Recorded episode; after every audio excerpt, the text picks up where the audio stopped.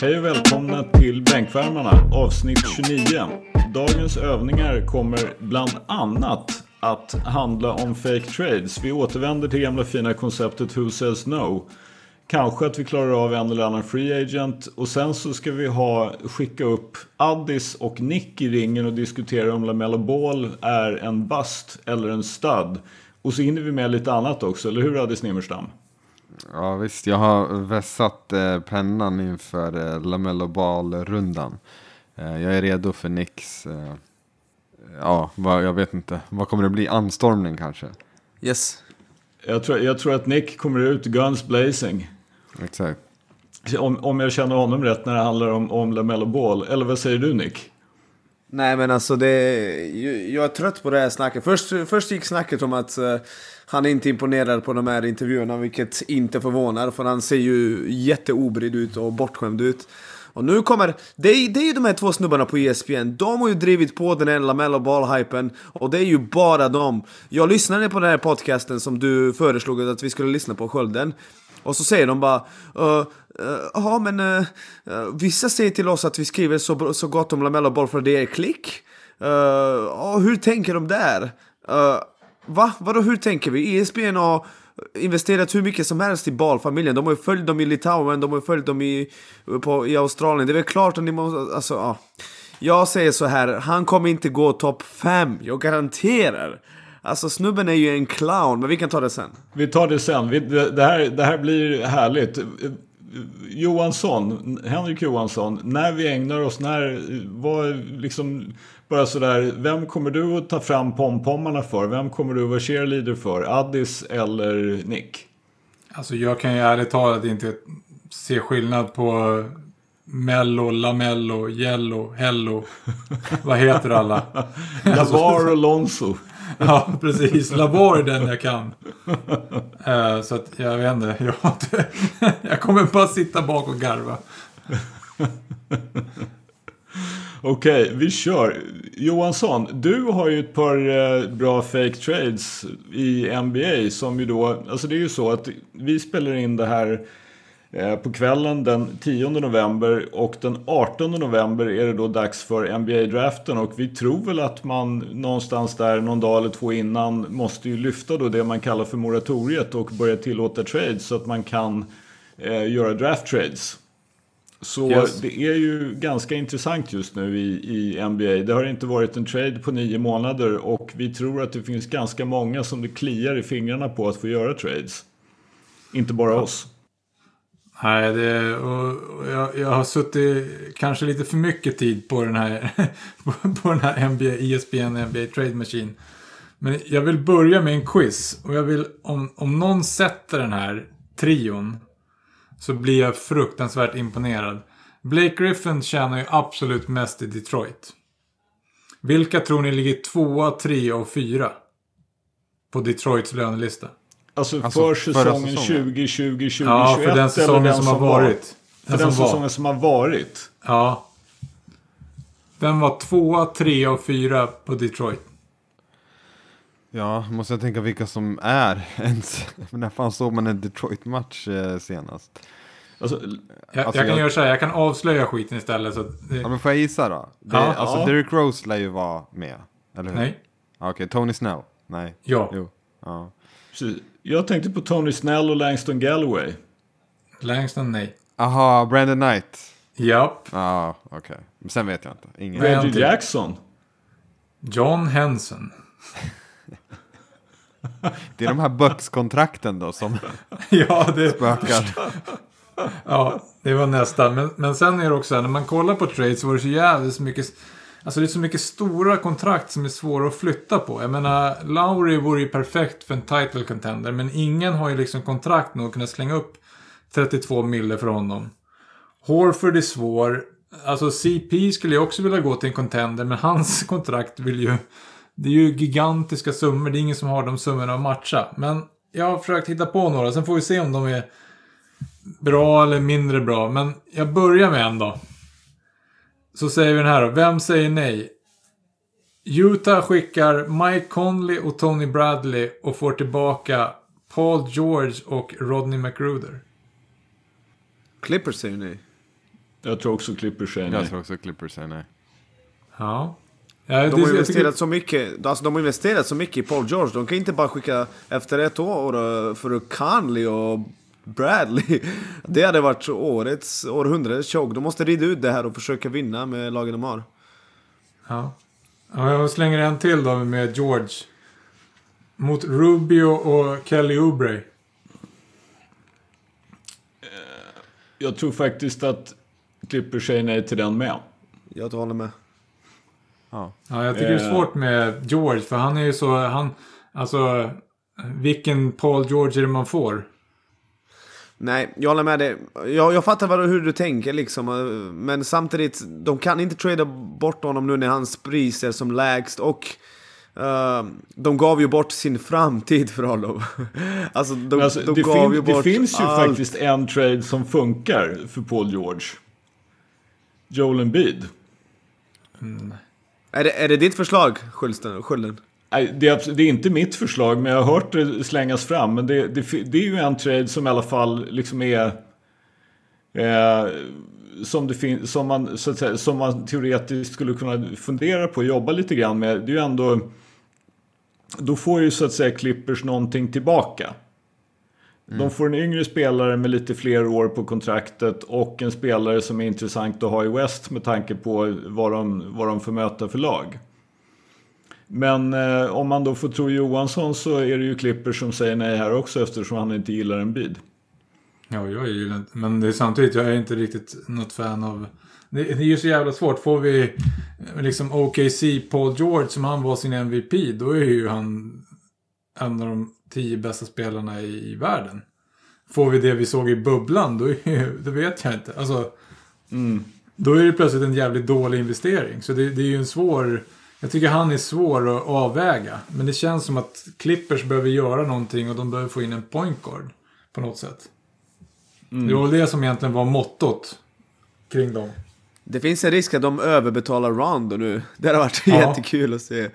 Faktiskt. Uh, ja. Bara, här får du 12 miljoner. Ett år. Har du någon mer Who says no Johansson? Ja, men om vi tar den här Horford-traden då. Jag har ju lekt den här lite på, på, på eh, skölden innan. Horford mot Wiggins.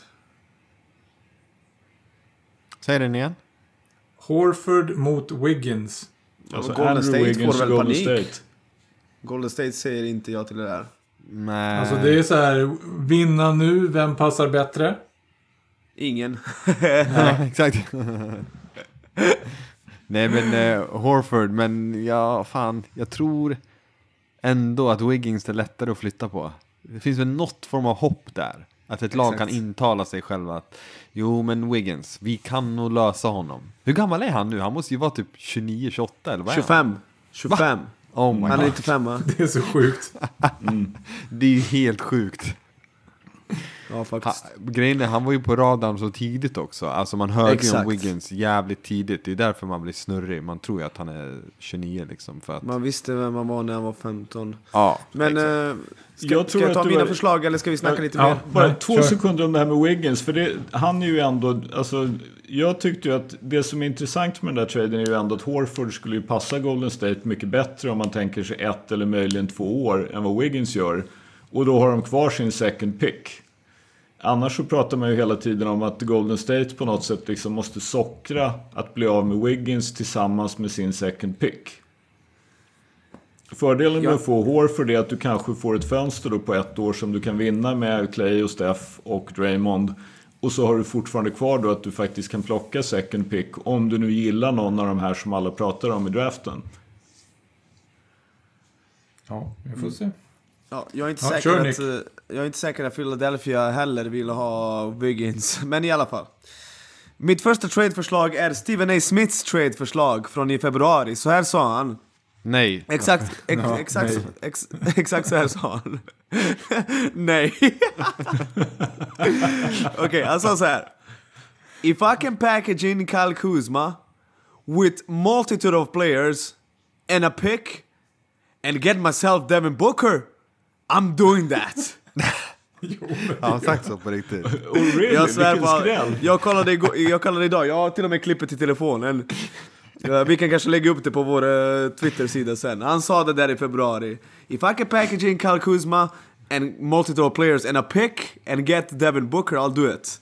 Tycker ni att det hade varit bra för Lakers att packa in uh, Kuzma och några picks? Ja, fan, För jag tror ändå de hade gjort den, Lakers. Alltså, Ja, eller hur? medan de är där kan de du? kanske... De, de, kan, de kan packa in Kyle Kuzma och några picks för Giannis också. Ja, Eh, eller Kawhi, eller liksom... eh, det, är bara, det är bara att välja. Nej alltså jag är så trött på den där, alltså folk, folk är blinda när de snackar om ni, ni såg ju det jag bifogade i gruppen idag om att Kyle Kuzma hoppas att få värsta monsterkontrakt. Alltså man bara...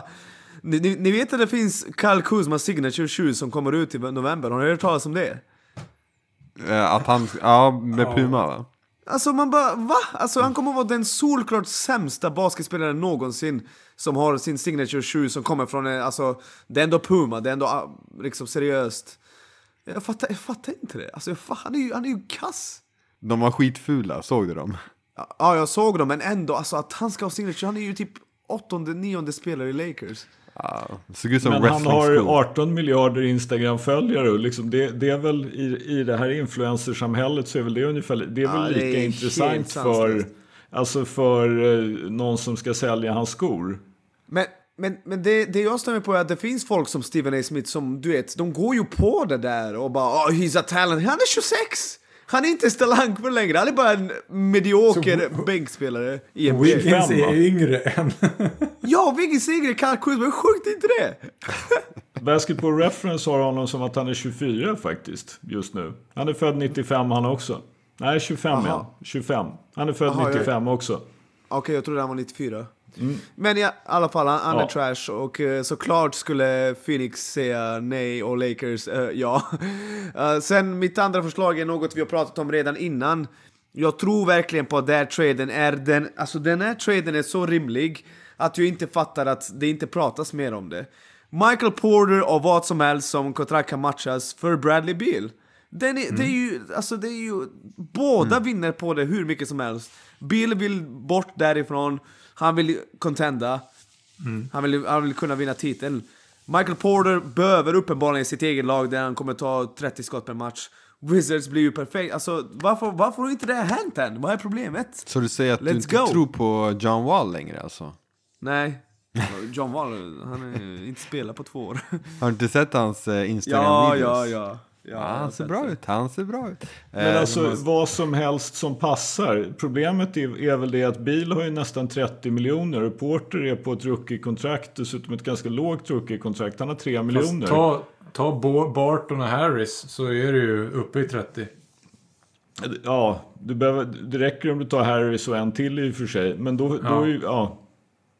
Nej men poängen är den, jag tror att Denver är så jävla rädda för att släppa Porter Jr. om han blir en superstar så att folk säger typ så här. Ja men kolla han blev, han blev det här, han blev, han blev superstjärnan och så har de missat den. De vill ju, de vill ju liksom fostra sina egna superstjärnor på något sätt. Det är ju som att de sätter en stolthet i det. Jag tror inte de vågar släppa honom för tänk om han blir en superstjärna någon annanstans. Mm, Så det- jag tror att Denver säger nej av den dumma anledningen. För att fatta om man ska få in Bradley Beal bredvid Jamal Murray och alltså hans rörelse kring Jokic. Han ska, ja. Det skulle vara riktigt bra. Okej Bra Nick, har du någon mer? Ja, nej, det var de två. Jag kan, jag kan ju fylla i med att jag har kört på ESPN Trade Machine med bil också. Straight up mot en bid. Den sa ju jag förra gången. Gjorde du? Ja, förra gången Ja, vi det, körde ja, den. sorry, sorry att jag upprepar mig. Men den är ju faktiskt liksom, om du, tror, om, du- om du ändå tänker att John Wall har vad det nu är 40 miljoner i ett par, tre år till. Eh, och ja, då får du ju så att säga Wall och en bid som någonting du möjligen kan bygga någonting runt. Istället för att du har två guards. Så. Som jag- egentligen, som inte liksom på något sätt hjälper varann. Och för Philly är det förstås en perfekt match. Ja, alltså deras Phillies första femma i det fallet blir ju riktigt bra. Mm. Tycker jag. Men det känns ju som en trade som är lite mer ändå viktad åt eh, Philly. Alltså att det just... Eh, alltså att det passar in bättre eftersom att, jag vet inte, vill man ha en bid på ett så här dassigt lag i en rebuild? Jag vet inte. Vill man det? Jag tror, ja, jag tror bara att de är, inte har verklighetsförankring i Washington och tycker inte att de är i rebuild. Nej. Alltså, de skulle nog se så här, ah, Wall och en bid, perfekt. Man behöver en point, man behöver en guard och en, en big för att lyckas i NBA, bla bla bla. Ja. Jag tror de kan prata sig in Och i så det där signar skiten. de Bertans. Ja, Och så ger, ger honom 15-20. han kommer få alldeles för mycket pengar. Förmodligen. Eh, Eh, sen satt jag och snurrade lite grann på, alltså utan att riktigt sådär på rak arm. Det finns ju en massa kontrakt som fungerar men det blir lite för enkelt för att hitta någon och, som säger nej. Men alltså Indiana om man tänker sig då typ TJ Warren och Miles Turner mot bil. Vem säger nej då? En gång till. Miles Turner och... TJ Warren mot bil. Det är möjligt att du måste ta in någon liksom en och en halv miljon spelare från Washington också för att få det hela att funka. Men Jag, Turner jag och tror Warren Washington ligger- vill ha ungt blod. Så de kan marknadsföra det. Jag tror också det. ja, fast grejen är ju den. Turner har tre år kvar på 18 mille, eller fyra år till och med tror jag på 18 mille. Och Warren har två år kvar på typ 12. Men då måste det vara typ Paul George package of picks som följer med. alltså framtiden. Ja, men det, ja, då, får, då får du ju ta bort, då är det ju typ Turner och Pix i så fall som blir, eh, som blir alternativet. För då, annars blir det ju liksom lite orimligt med löner och sådär. Men, men Turner och Warren känns ju som en teoretisk, eller för den delen då om du tänker att du ska, om man eh, kör Turner och Oladipo. Där har du mycket pengar, där skulle du teoretiskt kunna, bara det att där har jag inte hittat någon som känns rimlig som liksom att ta emot det här. Så. Nej. Phoenix har ju en duo som är intressant också, Ricky Ruby och Kelly Oubre. Samma sak där, de är nog rätt sugna på att göra någonting med Ruby och Oubre eller Rubio eller Oubre och en pick för att få någonting som funkar då med Booker och DeAndre Ayton och Michael Bridges. Alltså jag Så. tror så länge Bil inte har gått till och sagt till dem att jag vill flytta så, så behöver de ha, ha liksom det stora paketet. Rent krasst. Alltså, det är ju det som är problemet. De Jag- behöver känna sig wowad. Jag hittade en trade som jag är lite osäker på om någon egentligen säger ja till. Men sådär som, som, eh, som i alla fall jag ser inte, inte liksom är någon supernackdel för, för, eh, för lagen sådär på rak arm ändå. Eh, nu kommer jag på att det var ju det, så jag, jag slipper säga den. Nu kommer jag på vad det var för fel på den traden. Jag kan gå till min fullständigt vansinniga Al Horford-trade som kommer att få Chicago att explodera. Al Horford mot Zach Lavine och eh, Thad Young. Vill du göra det? Vill du göra det? Thad Young tillbaka i Philadelphia, let's go! I'm coming home. I'm Precis, I'm coming home. Nej, men jag ser det så här. Bulls har Wendell Carter och Lauri Markkanen. De kan behöva lära sig från någon som är ett proffs. Det är Al Horford. Zach Lavine gillar inte jag. Han bidrar inte till att någon vinner någonting. Men för Philly kanske han funkar, för då kommer han inte att ha bollen, men han kommer att få liksom lägen att attackera korgen och han kommer att kunna skjuta treor. Eh, och för Chicago då så har du så att säga öppnat för att du då kan drafta någon som kan spela med Kobe White.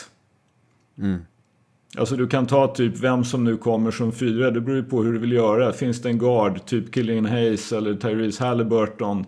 Eller vill du ta Danny Avdia? Och då har du alltså Horford, Wendell Carter, Markkanen, Kobe White, Otto Porter, Satoranski. Du har ändå 7-8 gubbar som är ganska okej. Och du har kvar, du har Horford som kan lära då två av dem som är absolut viktigast. Och varför jag är intresserad av att göra den här traden det är för att jag är trött på att se Zach Levine eh, spela för Chicago Bulls. Och det är ändå, alltså det är tre år kvar på Lavine, det är tre år kvar på Horford, det är två år kvar på Young. Och Young är ju liksom, nu vet jag inte, han kanske skulle komma tillbaka i rotationen under Billy Donovan istället för Jim Boylan. Men han var ju urless på sin situation förra året. Så det är, ja. Jag tror att om Philadelphia får erbjudandet så tar de det. Ja, det tror jag också. Det tror jag också faktiskt. Mm. Men jag tvivlar ganska starkt på att Chicago skickar ut den där. Så. Ja, jag tror att jo. de skulle behöva få lite socker på den. Men ja, Ja. ja kreativ trade i alla fall. Ted Young. eller hur? Visst var, sen, sen jag ägnat alldeles för mycket tid åt att försöka komma på någon trade som gör att Milwaukee Bucks kan bli av med Eric Bledsoe. Men där, där stupar det ju på att det går ju rykten om att Bucks skulle vara intresserade av någonting som gör att de får Bogdanovic från Sacramento och att de faktiskt till och med är beredda att på ett eller annat sätt ta med Harrison Barnes i en sån trade. Men då enda chansen att det finns det är ju att de då får bli av med Bledsoe och något dyrt kontrakt till. För som jag förstår det, om Sacramento gör en sign trade med Bogdanovic, för det första ska han ha betalt. Och för det andra så Harrison Barnes har ju då i herren 20 miljoner, tror han har 22 2018 kvar på sitt kontrakt. Och då måste du matcha kontrakten på något sätt så att, så att det här funkar. Du kanske kan skicka med någon pick eller vad det nu är för någonting. De betyder inte så mycket för Bucks de kommande två åren i alla fall. Eh, men ja, det, de, då råkar ju de tydligen ut då för en hard salary cap och det innebär ju att ja, det blir ganska knepigt för dem helt enkelt att lösa det där. De måste möta det liksom med något annat kontrakt. Jag har lite svårt att se vad det ska vara för någonting eftersom Bledsoe bara tjänar 15. Alltså, Om de ska det- få med, och det är nog enda sättet att få Bogdanovic, det är att de tar Barnes också. Alltså jag kollade också på... Jag kollade också på Bucks trade och problemet är inte att Bledsoe tjänar bara 15. Problemet är att han är enda personen i den lönerangen och han är kass. Mm. Alltså, de har ingenting dyrt att skicka ut förutom Giannis och Middleton så de kan få någonting. Utan det är Bledsoe som ligger där emellan. Bledsoe och Lopez som är mellan, mellan lönerna och det är ingen som vill ha dem. Nej. Ah, Lo- Så det är mitt Lopez problem. kan jag i och för sig faktiskt tänka mig att det finns en och annan som kan tänkas att ta. Jo. Men, men, men det är ju det, är ju det där, det, alltså det är, ju, det är ju om du hittar något dåligt lag som har någonting som du vill ha som är, tycker att ja, men vi är inte på väg någonstans och vi kan ta ett dåligt kontrakt om vi får en pick eller två. Alltså om det är... Men Bledsoe har ju ett par år kvar dessutom så det, det gör det ju lite svårare. Då måste man ju sockra. Ja. Ja, ja.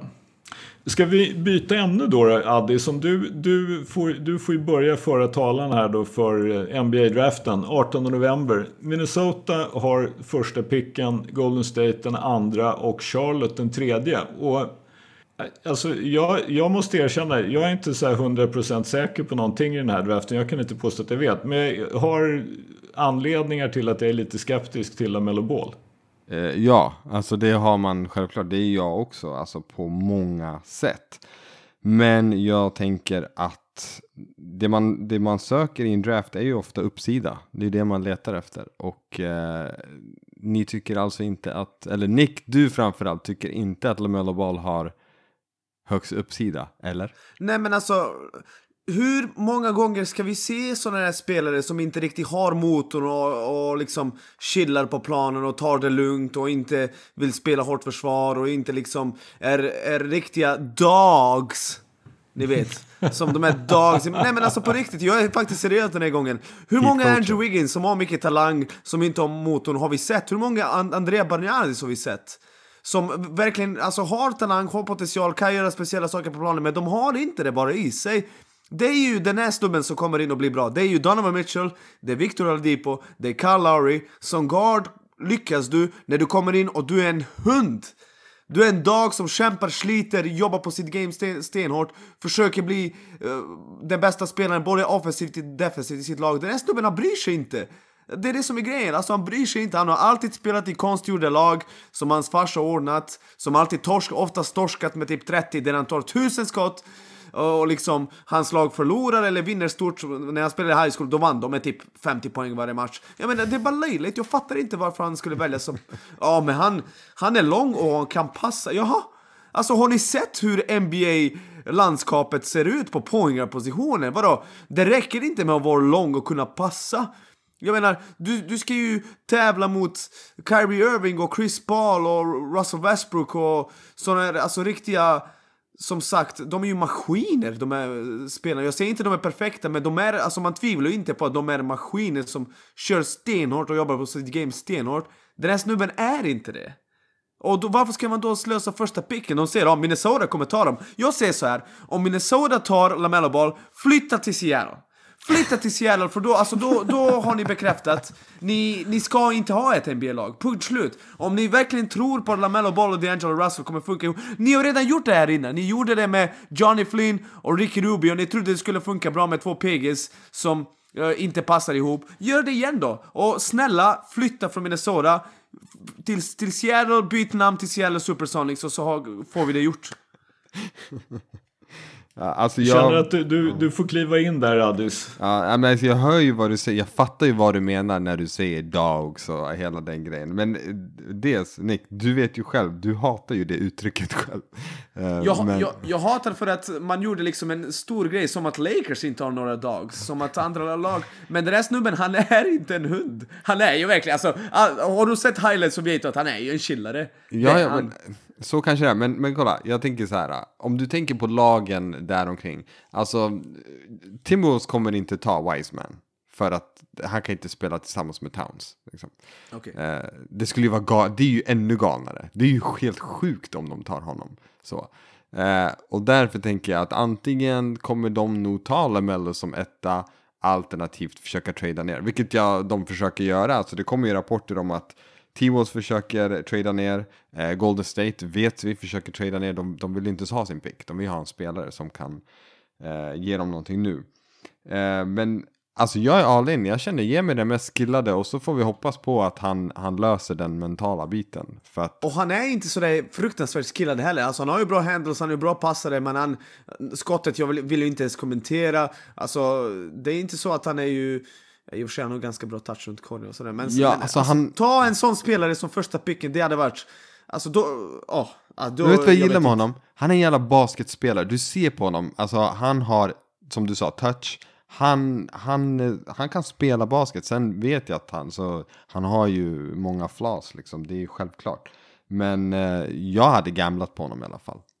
Ja, jag- och flytta, flytta eh, Minnesota till Seattle 2021. Let's make it happen. Jag, må, jag måste bara säga att en sak som är lite intressant. Jag tittade på NBAdraft.net idag. Och alltså, man kan ju titta överallt för att hitta allt möjligt.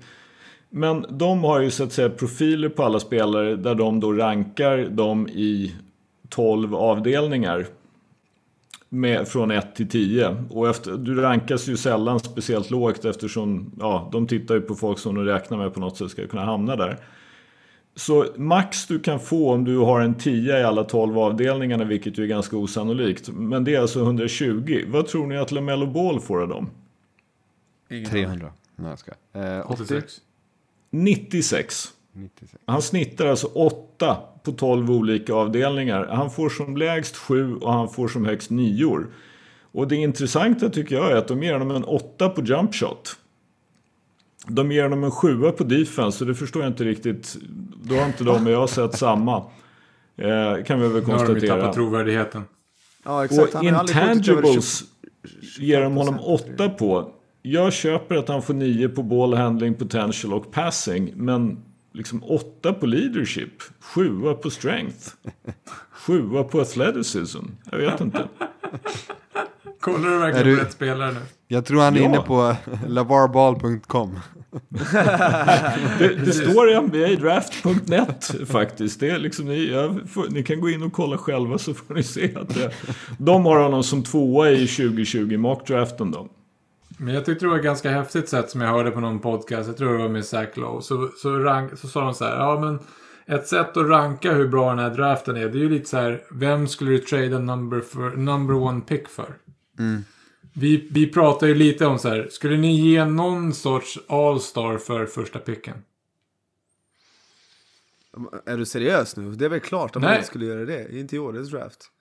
Nej men om vi, så, så, kommer vi in på den här vi diskuterar i gruppen då. Shea Gilgis Alexander. Skulle ni ge honom för första picken? Jag hade gjort det. Ja, men, Du hade gjort ja, det? Men, Ja, Det är ju helt otroligt. Alltså Men- jag tror att ju, alltså, kolla på hans trajectory de senaste, kolla sen han kom till college, hur drastiskt han utvecklas varje år. Och så ska man ge bort det där för en liten clown som liksom sitter på sin telefon hela tiden och en Fast du måste ju inte tala Mello om du har, om du har nummer ett i och för sig. Men, men ja. Ja jag hör det. Men eh, vadå, en fråga. Nu kollar jag ju All-Star-rostern. Du frågar om en All-Star. Vadå, hade du inte Ja. gett upp Sabonis för eh, första picken? Jo, det är klart. Jag hade inte gjort. Inte i årets draft. Det roliga är på den här podcasten jag hörde så var det så här, då frågade de om Skulle du ha gett Tyler Hero för first pick? Hundra procent! Driver Sluta!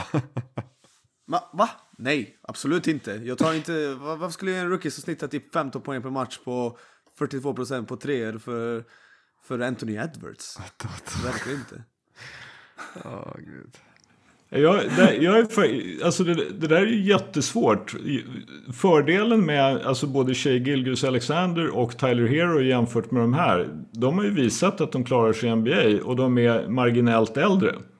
Och då, då pratar man ju bara om någon typ av potential och det vet vi ju alla att det finns ju ingenting som fuckar upp din draft så mycket som att du förälskar i potential som sen inte förverkligas. Fast Ja, det är ju jag- samtidigt så här, vad, vad hade vi gett för att få första picken förra året? Alltså, när Zion fanns där. Ja, eller när Luka fanns där, ja då hade man ju gett en hel del. Exakt. Ja, då, då Ja, men det är det jag menar. Det talar ju om kvaliteten på draften, tänker jag. Alltså, När, när, de, när de är som le, alltså de, när folk som lever eh, när, det är ju deras jobb att scouta liksom och göra de här mock draftsen säger att ah, det här är ju riktigt weak draft i toppen alltså då tycker jag man ska lyssna på dem. Även fast du inte håller med om allting.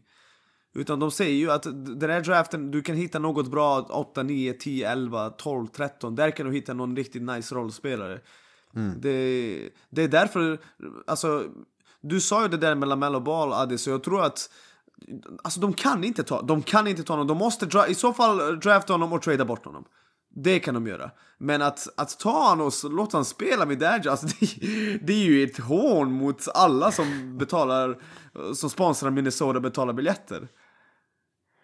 Ja, nej kanske. Jag vet inte. Jag, jag bara, alltså, jag förstår det i en vanlig draft, men också så här, om ni kollar på listan av eh, spelare som är eligible för den här draften, alltså är det någon ni blir så här, yes? Alltså är det någon Vem- annan vem- ni känner starkt för? vem, vill, du- vem tycker de ska välja då, Nick? Som nummer ett. Ja. Det är ju det som är grejen. Nej, jag vet inte, men inte fan är det Lamello Ball. Ta vem som helst. Obi Topen. Alltså, det- någonstans är väl det logiska är ju faktiskt om du är Minnesota och du tänker behålla picken då är det väl ändå ganska logiskt om du skulle chansa på Anthony Edwards. Ja. Snubben Som, är ändå eh, 6'5, sinnessjukt atletisk, stor, stark, kan skjuta, kan ta den till korgen. Eh, Kan skjuta vet vi inte än. Vad sa Vi du? vet inte än. Vi vet inte än om man kan skjuta. Ja, det vet vi nog. Om man har tittat på den fighten när han hängde 37 på Michigan State så vet vi att han kan skjuta. Vi Ja, vet inte att han kan ju skjuta ut, varje men- dag, men... Men han har, han har varit inconsistent. Ja, ja, men jag säger det. Vi vet inte om han kan skjuta varje dag, men han kan skjuta. Ja, ja, Vet ja. ni för övrigt vem eh, Anthony Edwards eh, jämförde sig med som eh, NBA comparison? Vem Det måste bollade? vara Victor Oladipo. Jag tycker de är fett Nej, lika. Wade. Wade. Jag hörde jag på Lowe's, på, på Zach Lowe's podcast idag så var det NBA Executive som snarare jämförde Anthony Edwards med Dion Waiters. Ja, Lowe tyckte det var en fruktansvärd jämförelse att det inte alls var sant, men ja. Ja. Men det är ju ganska uppenbart att det är en draft som är ganska weak. För det är, som, det är ju som ni säger, man hade ju gett upp både Shea Gilgeous Alexander och Tyler Hero och flera andra All-Stars. Både för Luka Doncic, eller Doncic och eh, Zion Williamson. Japp. Sen att då Phoenix tog DeAndre Ayton, det är en helt annan sak. Och att Atlanta tradade bort Doncic, det är också en annan sak. Får vi Eh, en-. En sista rapport om draften är ju att eh, faktiskt att Bucks var och eh, jag tror har till och med intervjuat eh, Avdia. Eh, och där kan man ju fundera, eller min fråga till er, säger det här någonting om eh, Giannis vara eller icke vara? Varför pratar om honom? Ingen aning. Alltså, Har de ens inte en Bucks... Nej, de har ingen pick. Alltså det, det är Nej, det som är det jag grejen. tänkte. De har ju tradat bort honom. Eller Ja. de, nej, de har, de har typ 24 picken ja. Ja, de har någon är annans inte- pick. Nej, det, jag tänkte mer att det kunde handla om att eh, om de har fått någon indikation eh, från Giannis om eh, att han eh, ska vara kvar eller inte. Jag vet inte. Det borde ju komma snart i alla fall. Ja, där, där, jag har sett en del rykten nu, men det är betoning på rykten som säger att eh, de flesta förväntar sig att han kommer att signa ett supermax. Mm. Alltså ett femårskontrakt som är värt och är här den 250 miljoner. Då blir han ju Då kvar spelar ett han år. ett år och sen, sen sticker han. Ja, men alltså någon, någon, det, ligger, ju- det är ju lite grann som Johansson säger. Att ja, men, om du är Giannis Antetokounmpo, förr eller senare så kan du få dit en trade. Och då har du försäkrat dig om att du får ett kontrakt på fem år och 250 miljoner. Det är ganska okej. Men eh, Giannis som för övrigt är i Stockholm, har jag förstått det rätt då? Ja. Vad, Han är, ja. tydlig, han är tydligen polare med någon eh, som spelar i Köping. Aha, Jag har förstått det som. okej. Så han är här och hälsar på. Så det är inte Frysens nya stora värvning eller? ja, det var det. Frozen House. Det, det, hade, det hade varit cool, onekligen. Då, då hade folk verkligen velat se frysen. Vad var det Danne Bottold sa? Att nu har Södertälje äntligen fått eh, sitt bidrag av kommunen. Först Linkan, sen Giannis. ja. Easy. SM-guld, SM-guld, SM-guld. Kanske blir en bra Ja. övergång till... Precis, vi går vidare till SPL här. Det var ju, Nick var ju lite glad igår för då slog Borås Södertälje ganska bekvämt. Ja, Borås har nu slagit Luleå på bortaplan. eh, Med, det var 2019 något sådär. Sen uh, Södertälje går med 24. De har ju, alltså det är därför jag, jag alltid ser Henrik Svensson och Henrik Karlsson är ett riktigt bra coachpar. De gör eh, justeringar, de analyserar, de letar alltid nya sätt att spela på och det de gör nu är att Uh, klassen framförallt gick ju och varit mycket bättre och liksom, de har ju insett nu lite, okej han kan inte spela på samma sätt som Nimrod. Han kan inte spela på samma sätt som Elvar Fredriksson. Han kan inte liksom ta massa screens och, passa, och leverera avgörande passningar. Utan nu är det mer att de får köra fritt, han får spela mycket mot en skjuta sina trepoängare liksom. Och det, det har varit mycket, alltså han, har, han, har varit, han var ju kast där de första två matcherna. Och sen Woodson som jag eh, hyllat har också börjat hitta rätt. Hade 24-23 mot Luleå. Han, den killen har... Alltså, man tittar ju på hans procent, han skjuter ju fortfarande bara typ 36-37% men den killen har en, en av de bästa bössorna jag har sett i Sverige och jag vet att han kommer, han kommer, komma, han kommer bli bara bättre. Så nu ser det helt plötsligt lovande ut. Jag sa ju för några veckor sedan att jag var väldigt nära att hoppa av eh, tåget. Jag ville inte hoppa av tåget men jag var nära.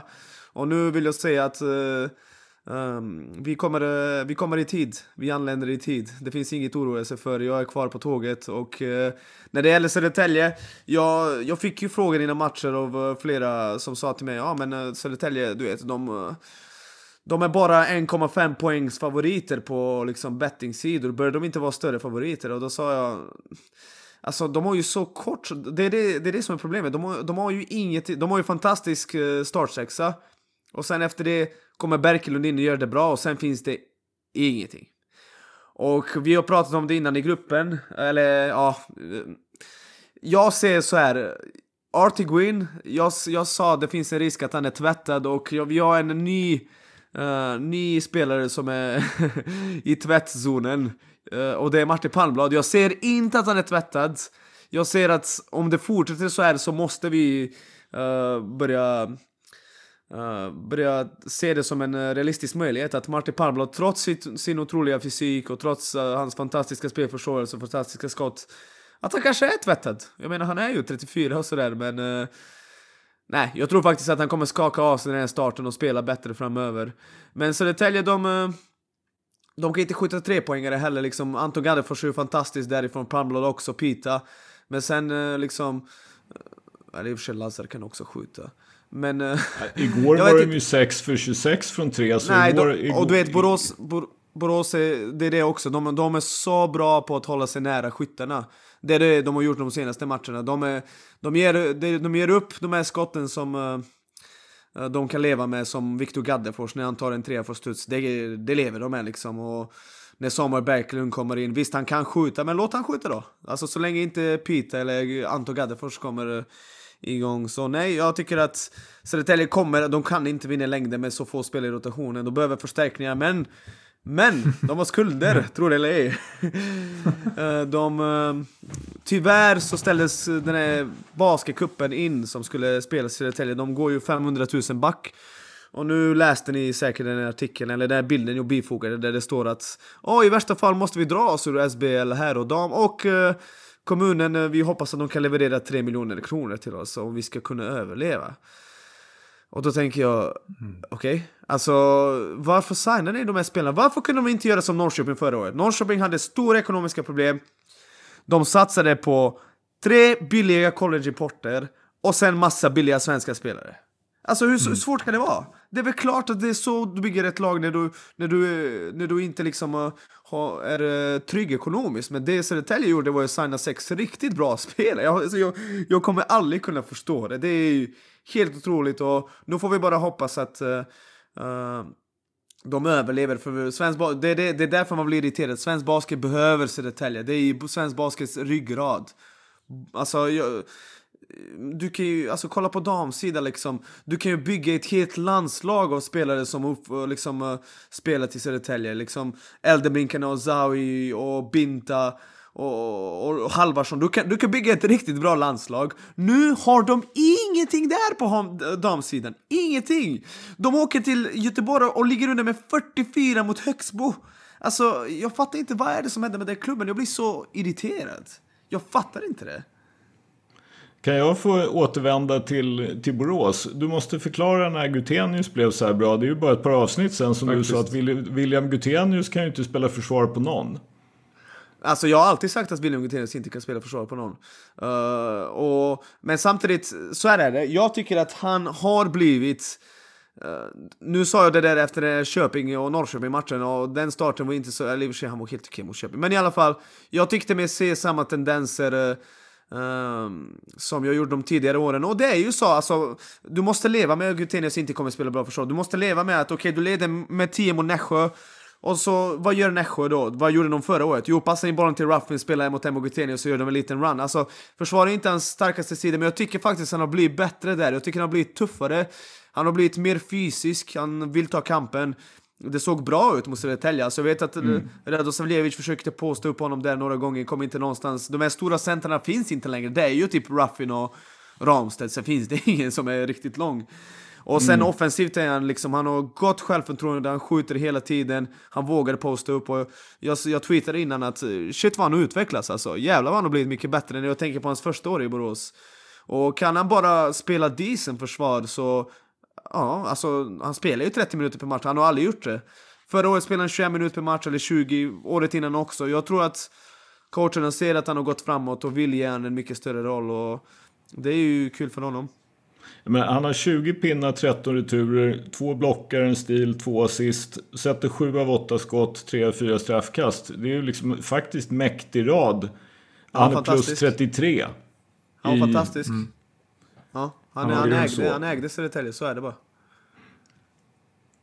Ja, så det, det, jag, jag, så där bra var han ju inte häromdagen mot då, jag såg dem mot Norrköping. Då, som sagt, då var det ju Ramstedt som käkade honom. Ja precis, han, han, har ju svårt mot en viss typ av spelare men du vet, han har ju i tre år nu kommit och avlastat Davis när Davis sitter på bänken. Så du vet, jag tror att ju mer du spelar på en position som du inte är bekväm med, och han är ju inte, han är ju inte en center egentligen, men ju mer mm. han är där liksom och lär sig hur han ska göra, desto bättre kommer han bli. Och han är ju sin prime, vad är han, 27-28? Så mm. nej, det ser... Helt plötsligt ser det väldigt bra ut för Borås. för en och en halv vecka sedan spelade de med sex spelare mot Jämtland. Och nu, nu ser det mycket bättre ut. Bremmar tillbaka också från ingenstans en månad tidigare än vad läkarna förutspådde. Så nej, det, det ser bättre ut. Jag ska säga det, även om, om ligan kanske inte är lika bra så är den jämn. Den är väldigt Men just nu så är Borås är riktigt bra. Jag var imponerad. Jag tyckte, som du säger, Gutenius var en eh, glad överraskning. Men sen tycker jag faktiskt också det var, det var kul att se Borås. Alltså, jag tycker att utifrån att jag inte, inte så jävla mycket europeisk basket. Men jag tycker att det här var det närmaste modern NBA-basket som jag ser. Eh, med mycket rörelse, mycket som händer runt trepoängslinjen och väldigt få innanför. Så att eh, jag, jag, jag tyckte det var faktiskt kul att se dem. Eh, Jag ska erkänna också Nick, jag tyckte det var roligt att se Avery Wood som var bra. För nu, nu var det lite lättare att förstå vad du har pratat om också. Eh, Och han var ju då, även om han missar ett och annat skott så tycker jag liksom man ser att han är bra på att komma till sina lägen och att han har... Eh, ja, men liksom, han, han tvekar inte. Han skjuter Nej, bollen och så- och han har en, en skottteknik som ser eh, liksom Exakt. naturlig och, och bra ut. Exakt. Jag tror på den killen till 100%. Och, och så spelar han försvar också. Det är det som är Mm, mm. grejen. Att um, Tyus, eh, jag älskar Tyus, Tyus var fantastisk. Men eh, jag, jag tycker att eh, Woodson är klart bättre defensivt. Så det är jättebra. Har vi något mer att säga om SPL här? Nej, Nej. det är bara någon match här jag ser att uh, Umeå besegrar Norrköping. Ja. 108-107. Adam Ramstedt, 34 poäng, 13 returer, 4 assist, Och de 3 torskar ändå. stil. Jag säger det. 49 effektivitet! Och ändå torskar de. Vad i... Ja, de förlorar. Ja, Nathan David hade 32. Ma- Nathan David är min boy. Han hjälpte mitt lag vinna Göteborgsfestivalen 2018. I love that kid. Men Ramstedt, alltså han är så jävla bra att avsluta runt korgen. Det är helt sjukt alltså. Ja, han, är, han har ju ganska bra touch, men det är det som är grejen med honom. Han behöver ju självförtroende. Han, är ju, han är ju en spelare som, alltså det har vi sett nu många gånger. Har han inte... Får han inte ta sina skott för coachen liksom, och har en begränsad roll så blir han, han blir dålig. på riktigt. Men sen när det öppnar upp sig liksom, och han får en tydlig och stor roll, då är han uppenbarligen ruskigt bra. Så, ja. 14 av 15 från golvet. Ja, men han, han är ju alltid sådär. Det var ju något år sedan jag minns jag grävde lite i hans stats. Han hade någon så säsongsstart. Eh, typ så om det var 17-18 säsonger eller någonting. Han hade typ missat. Eh, alltså han var över 80-85 procent första fem matcherna typ. Alltså han är ju.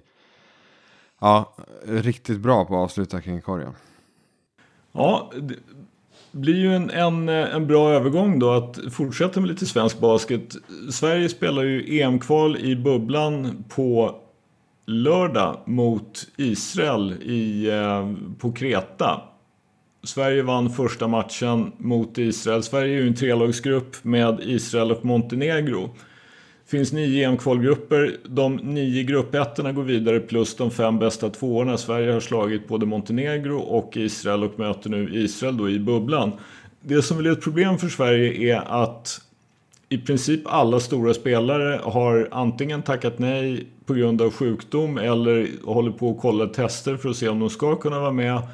Och sen så har dessutom Kalis Lloyd valt att avstå vara med av, av vad som kallas för personliga skäl. Kalis som var här hos oss har jag sett i en intervju avstår för att hon tycker att det inte känns rimligt att just nu flyga Europa runt för att spela EM-kval. Hon behövde byta flyg två gånger för att komma till Kreta från Kanarieholmarna och då kände hon att hon valde att hoppa av.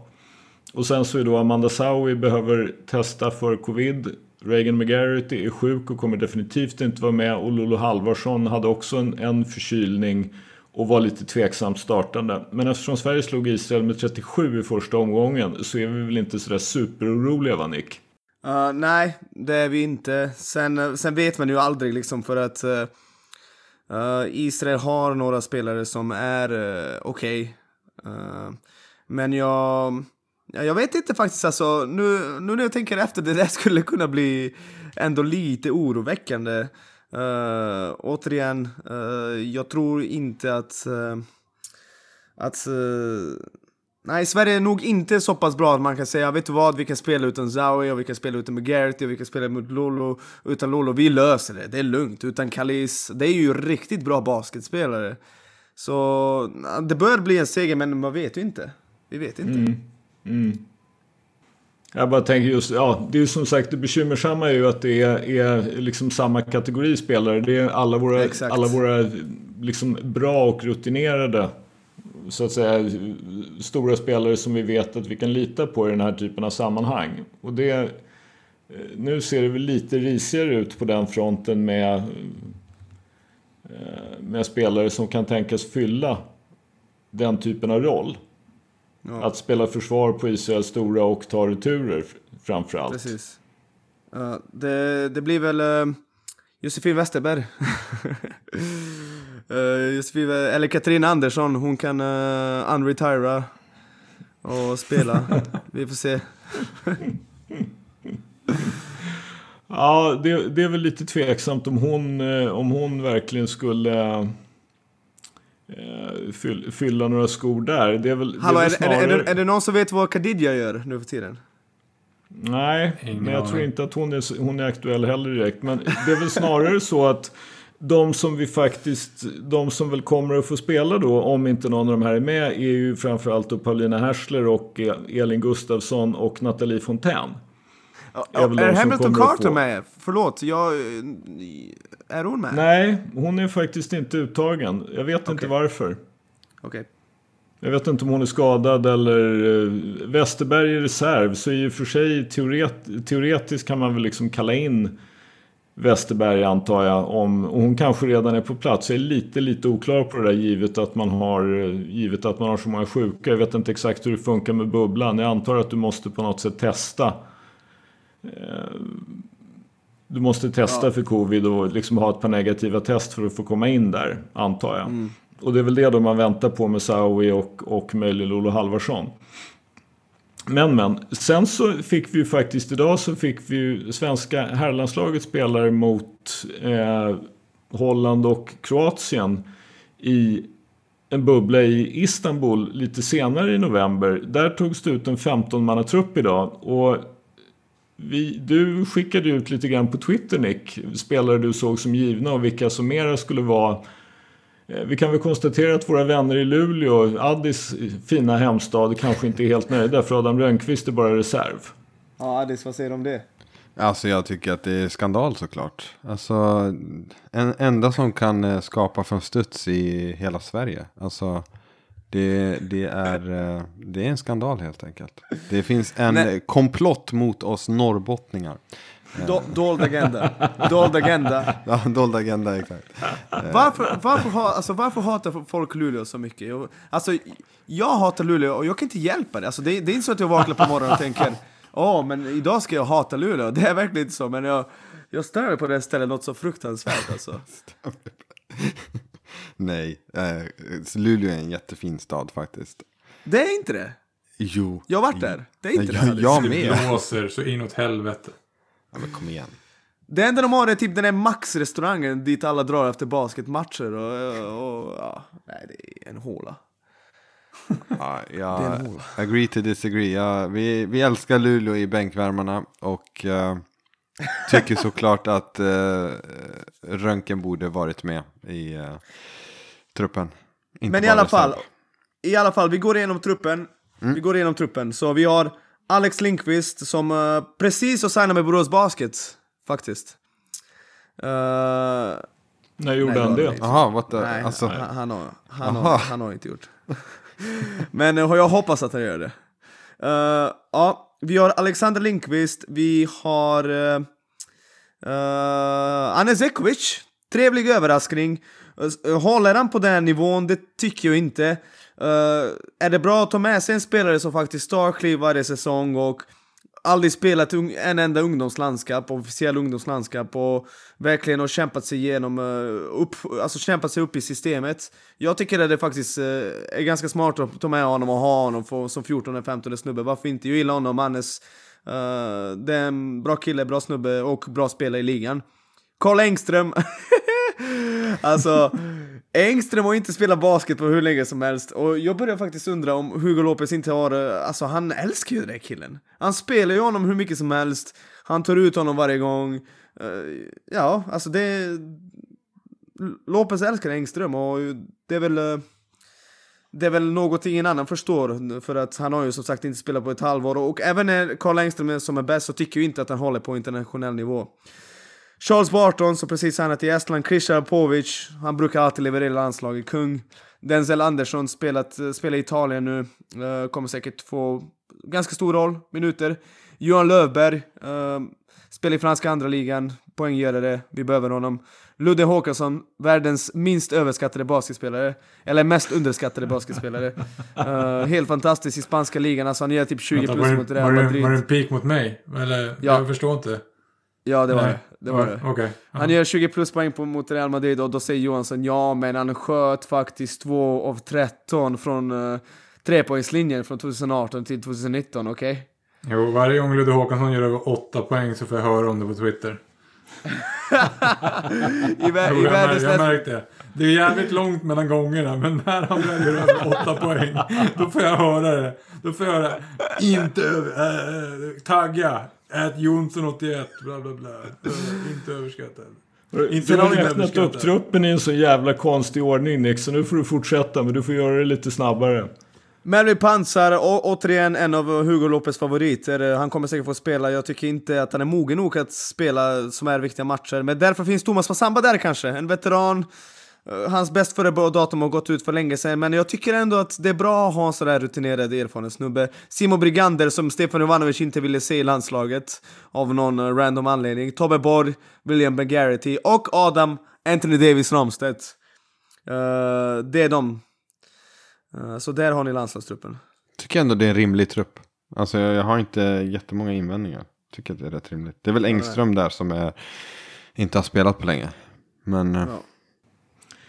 Framförallt så känns det ju också som att om du har Ramstedt, Spires och eh, William McGarity så känns det ju som att Ja, och Birgander så känns det ju, skulle det vara en, en sensation om Karl Engström får byta om. Han starta jag, säkert. jag vet inte fan, för att du vet, vi hade ju... Uh, Nick Spires var inte med i första matchen mot Kroatien, men sen när han var med mot Turkiet, då hade vi ändå med Garrett Spires och Engström, och ändå fick Engström spela hur mycket som helst. Om jag minns rätt, det måste ha varit typ 15-20 minuter. Fast då Eh, hade han ju så- faktiskt, om, om det är som du säger att han inte har spelat på ett halvår, han är alltså klubblös. Så ja, Ja, exakt. Nej. Nej, ja, men, eh, vart sitter han då? Alltså, han är klubblös. Vad, finns det några nyheter överhuvudtaget? Nej, alltså jag vet när Borås drabb drabbades av uh, skadeproblem så var det några som sa ah, men ska inte Borås signa Carl Engström? Jag bara, uh, nej, han, uh, han, kan, han skjuter inte tre poängare. uh, så, ja, nej, jag vet inte. Han brukar alltid, alltså tre år i rad och han bara väntat, väntat och sen signar han med Vätterbygden typ. Efter nyår. Ja, alltså jag säger, han är nog inte så. Uppsala har gått i den där fällan också. Han, är- han är ju bra i skrämselfaktorn om man inte känner honom, för han är en jävligt stor man. och och sen, sen är det så faktiskt att i ligan så är han en bra center. Alltså, Ja, det är- såklart. Det är såklart. inget snack om saken. Jag vill inte nu att vi ska vara taskiga och säga att han är total värdelös. Verkligen inte. Jag känner bara att på den nivån, hög internationell nivå, EM står på spel. Jag är inte trygg med att han är inne på planen. Det, det, det som han väl så att säga kan, det han kan bidra med det är ju ändå det att han är 2,16. Alltså han, han klarar ju av att stå lite grann i vägen och ta lite returer och Ja, men jag, som sagt, jag, jag tycker att det skulle vara lite förvånande om man spelar honom med tanke på att det är ju, helt plötsligt har vi ju faktiskt folk som är ganska bra som centrar. Det har ju ofta varit en, en tydlig svensk svaghet i landslaget att vi inte har det. Yep. Så, och det är ju då, eh, ja, ganska viktiga matcher. För, för, alltså både den mot Kroatien och Holland. Vi möter Holland först då på fredag den 27 november. Och Holland är ju precis som vi 1-1. De har slagit Turkiet och precis då som vi eh, förlorat mot Kroatien. Så de har ju faktiskt spelat precis som vi. Eh, Därför vore det ju rätt bra om vi kunde slå Holland. Eller Nederländerna som man ska säga nu för tiden. Holland, Holland slog ju Turkiet borta, så ja, den matchen är väldigt viktig. Väldigt, väldigt viktigt att vi plockar den, faktiskt. Och det var ju så att Holland slog ju Turkiet borta och vi trodde att Sverige skulle få svårt mot Turkiet i Globen, inte minst på grund just av detta. Men det var ju då Sverige vann till tonerna av Ludde Håkanssons, vad var det Nick? 24 va? 24 poäng hängde han den dagen. eller var det 7-3 23? poängare, fantastisk prestation, inte överskattad. Mm. Ursäkta, jag somnar nu igen. jag vill bara... Varje gång jag hör överskattat så vaknar jag till, så det är bra. Det är bra. Ja, då så. Du vet att det Vi, tog eh, två år. Det var två år innan den matchen satt en trea i landslaget. Ja, Ja, ja. vi Vi kan gå vidare, vi kan gå vidare. Vi kan gå vidare. Haters vi, min, vi minns det. Ja. Nick, du låter ju som att du är on fire. Du får börja för vi är faktiskt framme vid hot takes. Okej. Uh, Kör! det här är min hot take, eller hot take, typ alla är överens om det här egentligen. Men jag vill ändå att vi ska prata om det här. Nu vann Jämtland mot Köping jättebra. Barton, Charles Barton Jr, han har flyttat till Estland och vi vet ju att Charles Barton är en, eh, ja, en av vassaste poänggörarna i ligan när det gäller svenskar. Och det har han varit varje gång han har spelat i ligan. När han spelade för Sundsvall och för Djurgården och eh, han hade så småningom blivit bra, bra vass poänggörare i Jämtland också. Men han är inte en renodlad spelfördelare. Och nu när han signade där så tycker jag faktiskt att Jämtland ser en... De får en öppning att signa en CJ Jackson typ. Eller någon sån spelare som faktiskt ska komma in och vara kreatör för de har inga spelare. Alltså det... Även nu samtidigt som vi spelade in så tittade jag på matchen. Alltså deras offense är ju så... Det känns inte naturligt. Det känns ju... Det känns ju bara... Det ser awkward ut och eh, de, eh, de, de är i desperat behov av en riktig kreatör, en snubbe som CJ Jack. Alltså jag tar upp honom för att Köping kan signa honom två år i rad. Då måste det finnas spelare där ute som är lika dyra slash billiga. Och jag älskar CJ Jackson, jag tycker att han är fantastisk. Faktiskt, i ligan. Men i alla fall, nu får de öppning och faktiskt skaffa sig en riktig point guard och göra en run liksom för, mot toppen av tabellen. För så som det ser ut hittills så... Det var ju, alltså vi har pratat om det här många gånger och... Nej, det, det såg inte lovande ut. Men eh, det beslutet de tar nu kommer vara helt avgörande för deras titelchanser. Så det var min väldigt kalla hot take. Jag, jag kan fylla på. Jag, jag tycker egentligen att, alltså, det som du säger, jag tycker att det, ser, det jag har sett är, ser väldigt stelt ut. Och det är dels för att jag tycker att laget är för stort. Att den här eh, Cyril-värvningen som var den sista, den hade hellre varit en, eh, en tvåa, etta, någonting. Alltså någon som kan skapa med boll. För jag tycker att Dawson kan spela femma i den här tiden. Hampton kan spela fyra nu när ingen har några stora. Tittar vi på Borås och Södertälje igår, vilka är de stora inom situationstecken? Det finns ju inte. Utan jag tycker att det bara blir... Och så ska man ju då försöka konstruera ett offens kring spelare som kanske inte skapar speciellt mycket med boll, men är väldigt stora och ska göra mycket nära korgen. Det blir liksom skevt. Men sen tror jag också som jag pratar med Jämtlands folk om att alltså, marginalerna är små. Kan de få in den här värvningen jävligt rätt? Jag har en extremt hög tro i Adnan Chuck. Att han ska kunna få ihop det här. Så att jag håller med. Jag med. De har en chans. De har en chans Ja. här att ta Sen måste man ju faktiskt ge Landrevine att han, han gör ju ändå rätt bra nytta. Liksom, nu mot Köping, 15 pinnar, 17 returer och inte minst 5 blockar. Jo, men alltså mer, mervärdet av att om han hade varit en, en 2-1 eller en 1-2 eller de, hade, de kanske kunde redan haft den där skapande spelfördelaren. Och då hade de kunnat haft pengar till att ta någon, jag vet inte. Alltså de hade kunnat fylla på. Jag tycker att så som laget är byggt så är det inte riktigt det som rimmar med vad jag tänker är, är liksom modern, mer modern basket. Vet nu, ni... nu vann de Ja. Mm. den här matchen mot, förlåt Addis, nu vann de den här matchen mot Köping faktiskt för att de var så tunga inside och du vet, de passade in bollen och tog offensiva returer och sådär så... Men det funkar inte i längden, absolut inte. Addis, varsågod. Eh, vet ni vart det finns en kreatör då? Som de behöver plocka upp? I Helsingborg. Okej, jag har breaking news om Omar Krajam, vill ni höra något roligt? Ja, kör. Han har, han, har, han har tränat med Fryshuset trots att han är registrerad med Team 4 Quarter. Jag säger Eh. det. Det är på gång. Så, ja. Vad konstigt att Omar Krajam, det skulle vara krångel kring honom. Det är väldigt uh, oväntat. Ja. Ja. Men i alla fall, han har tränat med Fryshuset. Det är det jag har fått höra från mina säkra källor, sources. Mm. Eh, så, Då ja. kanske han landar där då. Men eh, jag Ja. tänker den typen kanske. Men... Den renommerade basket eh, i- och det renommerade basketoraklet Peter Lindvall skrev att uh, Jämtland har visat intresse för Aleksa Sorovic och eh, ja, han, är, han kan ju skapa, det kan han göra. Han är ju duktig på det. Sen kan han inte skjuta och så. Han spelar ju försvar och på det sättet passar den in, men vi får se. Mm. Uh, by the way, på tal om den här matchen du nämnde, Köping och Jämtland som Jämtland vann. Uh, bara en, en, rolig grej, på Twitter, ofta när lag rapporterar om sådana här uh, förluster till exempel, så brukar man liksom skriva, känner igen det att man skriver typ så här, ja men efter en uh, makalös vändning så tyvärr så gick det inte. Ja, men ni känner igen sådana här typer av hur man skriver. Mm. Jag älskar, en shoutout till dig som rattar Köpings konto som bara är väldigt pragmatisk och skrev så här. Tyvärr tog bensinen slut. det var bara det. Jävligt rakt på sak. Bensinen tog slut. Det var bara det de skrev. Har du rätt. Alltså, vad, apropå, apropå bara sådär när vi pratar om Fryshuset ändå. Luleå vinner alltså citationstecken bara med 14. Alexa Solovic 18 poäng, 8 assist, 8 returer. Sex turnovers också i och för sig, men ja.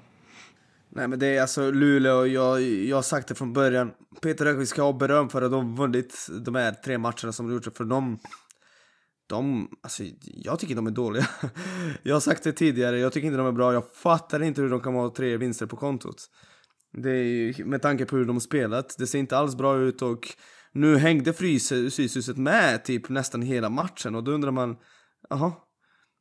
För all respekt för Fryshuset och jag gillar deras coach väldigt mycket de, de ska förlora med liksom 20-30 komfortabelt. Så mm. är det bara. Mm. Uh, de ska inte hänga med djupt in i fjärde perioden mot ett lag som Luleå. Det finns bara inte.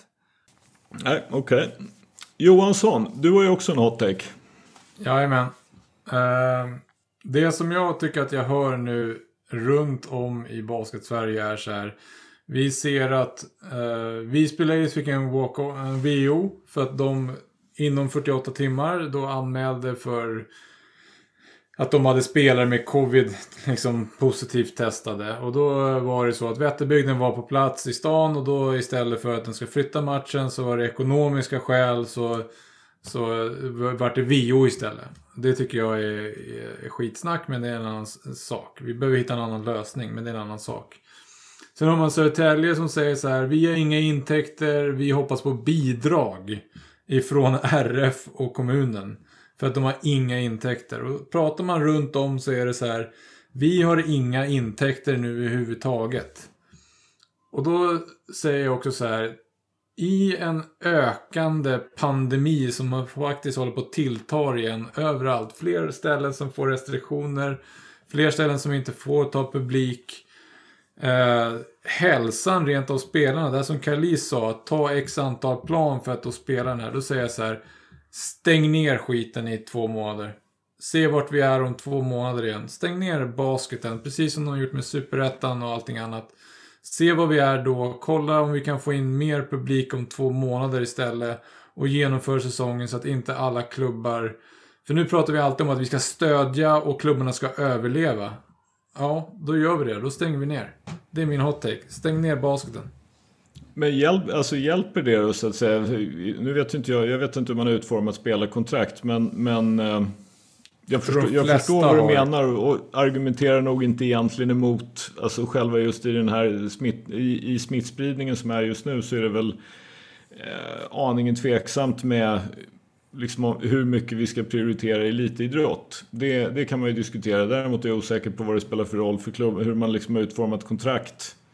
Eh, om man liksom bara kan upphöra att betala spelare från ena dagen till den andra. Men, men ja. Jag tror ändå du kommer få en minskad kostnad av att det, det blir så här. Visst, folk kanske har bokat sina resor eller så, men jag tror fortfarande att du får en, en minskad kostnad för det här. Eh, sen vet jag att eh, klubbar har i sina kontrakt, diverse klausuler. Vad de säger, det vet jag inte. Alltså jag vet inte exakt vad de klausulerna säger. Men alltså, just nu så känns det som att har vi en idrott just nu där det är mer värt att sätta en, walk, en VO än att spela det på grund av ekonomi. Då, då tycker jag det är dags att vi tar en paus. Nick, du ja. höll inte riktigt med om det här när vi som hastigast pratade om det från början. Nej men alltså, Johansson Uh, vill du att de ska ställa in eller hur lång paus vill du ha eller kan du vara lite mer konkret? Jag vill att, jag vill att, de, jag vill att de ska utvärdera i januari igen. Så sluta spela, ja men det funkar inte så. För uh, vad ska du göra med de här importerna? Ska du skicka hem dem och sen ta tillbaka dem? Alltså det, uh, jag vet inte, jag känner bara att om du ska spela de här matcherna, vadå, påverkar det verkligen? Alltså nu får ni faktiskt utbilda mig här, men om jag åker med 10 spelare, eller 12 spelare och två coacher, och så spelar jag en match i Södertälje där det finns tre coacher, 12 spelare i norra sekretariatet och 50 pers på läktaren. Alltså, kommer smittspridningen, kommer det påverkas? Kommer det öka? Alltså, ja nej, men det, känns inte som... Men, men risken ökar ju för att nu, om, om vi säger så här då, om, om eh, vi tar Umeå som ett exempel. Idag gick Västerbotten ut och sa att du ska inte göra onödiga resor utanför Västerbotten för att det finns alltså möjligheten just vid resor och att spridningen blir större då. Och då är det så här, är basketligan nödvändig eller är den onödvändig då?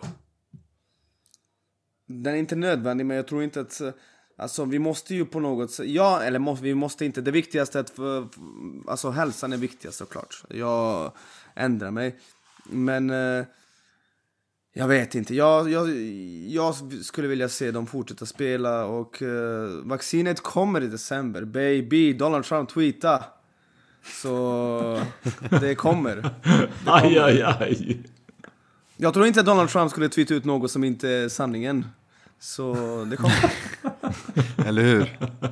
Nej, det skulle aldrig hända. Men eh, Johansson, bara, jag tänker så här, alltså jag hör dig och alltså absolut om det skulle på något sätt eh, bidra till minskad smittspridning så då skulle jag också säga eh, stäng ner det. Men min fråga är, alltså vi vet ju inte ens om det kommer vara skillnad i januari eller februari. Nej. Eller, liksom, det är ju det och det blir liksom en oändlig väntan nästan på. Så jag, jag vet inte vad som är ett, ett bra svar men liksom, det är väl det som är ett problem också.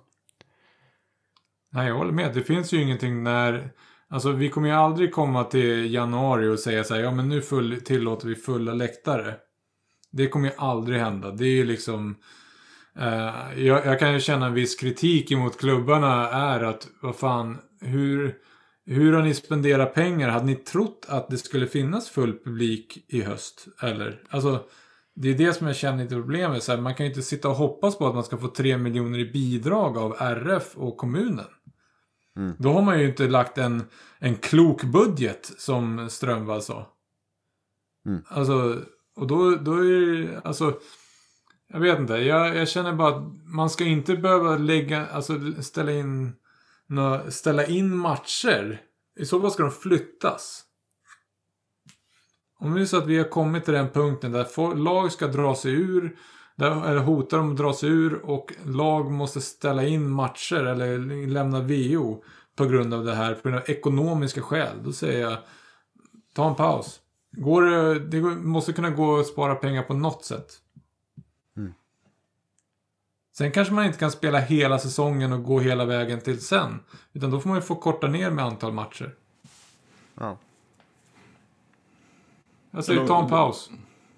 Det finns ju, alltså, de sa ju då i USA då, apropå det här att, de ju, att man nu har ett par lovande vaccin på gång. Tydligen så verkar det här då som kommer från Pfizer vara väldigt lovande. Och i USA så säger de ju då att de tror att utsatta grupper ska kunna börja få vaccin i december och att det liksom blir en mer allmän vaccinering då i mars eller början på april i USA. Eh, Sverige vet vi ju inte riktigt och vi vet ju inte heller om det blir Pfizer eller AstraZeneca eller om det dyker upp en tredje eller fjärde aktör eller hur det blir.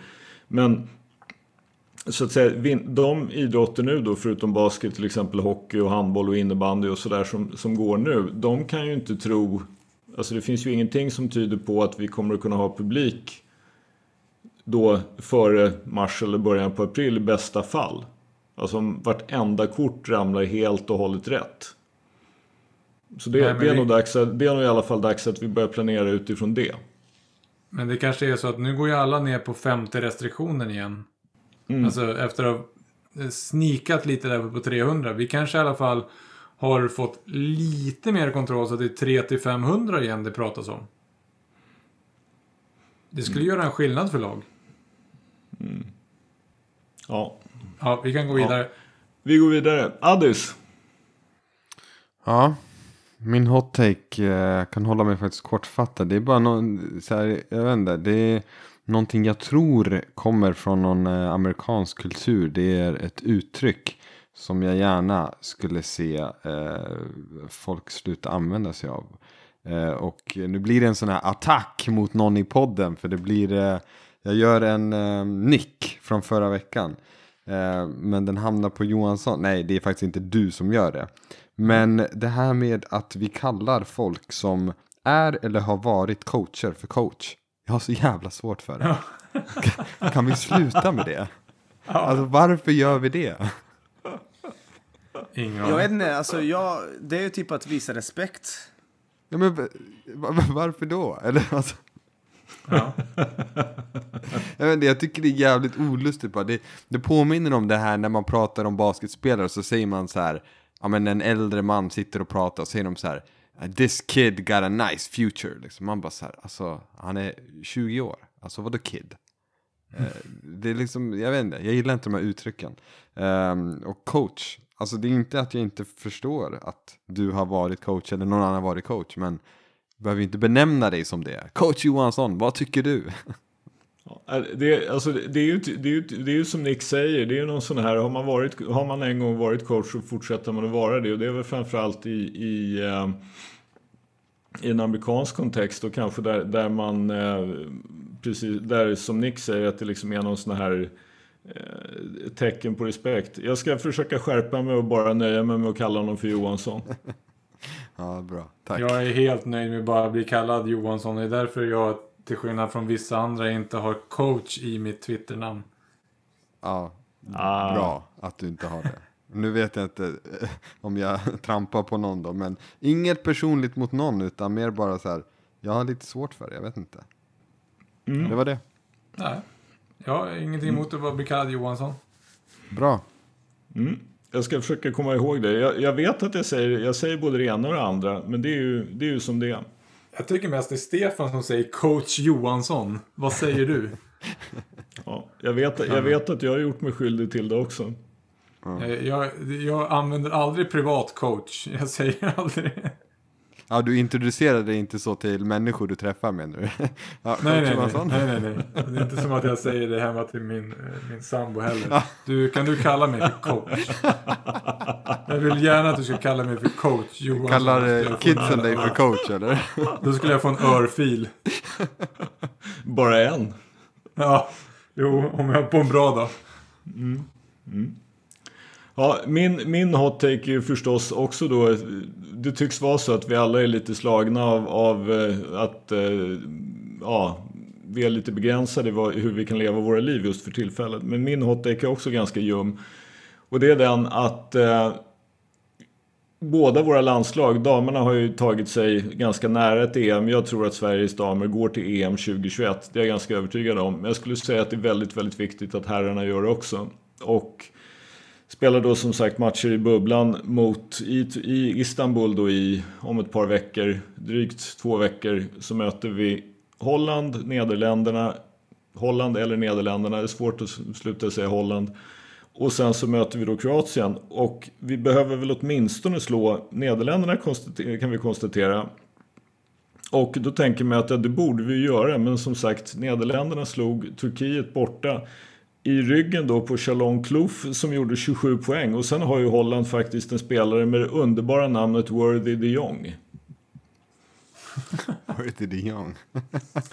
Eh, oberoende av vilket så känner jag att vi har haft en, en eh, faktiskt några av kanske våra bästa spelargenerationer någonsin som jag kan komma på på både här och damsidan. Och damerna har i alla fall spelat mer än en EM-turnering och kom sjua i en EM-turnering och gjorde en väldigt, väldigt bra turnering 2013. Herrarna gjorde en helt okej turnering 2013 men sen har vi ju liksom inte gått dit något mer. Och vi har en bra generation. Vi har ett antal spelare som faktiskt sköter sig bra i Spanien i eh, näst bästa basketligan i världen. Och oberoende av att vi saknar flera av våra bästa spelare, Jonas Jerebko, Jeffrey Taylor, Marcus Eriksson, så behöver vi det här. Vi behöver lösa det här. Och det är upp till Hugo Lopez. Observera att jag inte sa coach Hugo Lopez, Addis, utan jag sa bara Hugo Lopez, att Tack. se till att få ihop det. Fixar han det? Ja, bra fråga. Jag vet inte. Men som du säger, han måste fixa det, eller? Är inte det du kom fram till? Jo, Ja. det är precis det jag kommer fram till. Jag Ja. tycker att det, det är det, är lite pre- det är lite press faktiskt på Sverige i det, här, i det här avseendet. Jag kan inte Holland tillräckligt bra annat än att jag precis som alla andra kan titta på en boxspår. Jag har tittat på liksom lite grann hur det såg ut och sådär. Ja, uppenbarligen har de ju ett lag som, som precis som vi kunde slå Turkiet. Men ja, svår, svårt att bedöma våra chanser. Men jag struntar i vilket. Vi behöver den. Ja, vi, det, det, det vore vi, ja, vi behöver platsen. Det vore kul. Men en annan sak. Nu, när- nu när Nick inte är här. Mhm. Gör inte han jävligt bara svala takes? Vad hade han idag? Jag minns inte ens. Ja men idag hade han ju om det här med Jämtland. Men, Alltså, han pratar ju ofta, kritiserar Sköldens hot takes. Men har han verkligen så hot takes själv? Nej, det har han fan inte. Alltså kommer du ihåg någonting? Det var ju någonting om att Nick Spire skulle skjuta treor och det var... Alltså... Alltså, måste vi inte passa på, vi saknar ju Stefan Jovanovic idag, han är sjuk. Måste vi inte passa på att hugga honom lite grann i ryggen också? För att hans Nej, det är hot takes Nick. är svala. Det är de dock inte. Stefan har alltid glödhet och har han inte det. Han får ju ett samtal efter varje... Ja, precis. Jag bara tänkte lika bra att passa på liksom, när de inte är här och kan försvara sig och, och, och, sätta dit dem lite grann. Men ah, ja, det är Ja. som du säger, Stef, Stefan brukar ju sällan vara direkt sval. Nej, så är det. Ja. Nej, jag bara Eh. tänkte på det nu när, nu när Nick inte är här längre. Ja, hans dator har dött eh, kan vi meddela. Så att det kanske är dags för oss att eh, stänga ner butiken, eller? Så är det. Vi har mycket Ja. att se fram emot den kommande veckan och de kommande veckorna. NBA, EM-kval och så får vi se då om Johansson får rätt om det är folk som vill lyssna på honom eller inte. Hur det blir med det där. Men om vi ska ha någon basket att se fram emot. Vi får se, det visar sig. Vi hoppas på att eh, allting blir så bra som möjligt. Och att det blir ett fungerande vaccin så fort som möjligt. Tack för idag. Du har precis lyssnat på avsnitt 29 av Bänkvärmarna. Vi finns i sociala medier på Bankvärmarna SWE på Twitter, på Facebook och på Instagram. Interagera gärna med oss där. De som har medverkat idag var jag, Henrik Sköldström, Addis Nimmerstam, Henrik Johansson och Nick Rajacic. Stefan Jovanovic var sjuk. För produktionen står Addis Nimmerstam. Och kom ihåg, bänken ljuger aldrig. Ha det så bra. Hej då!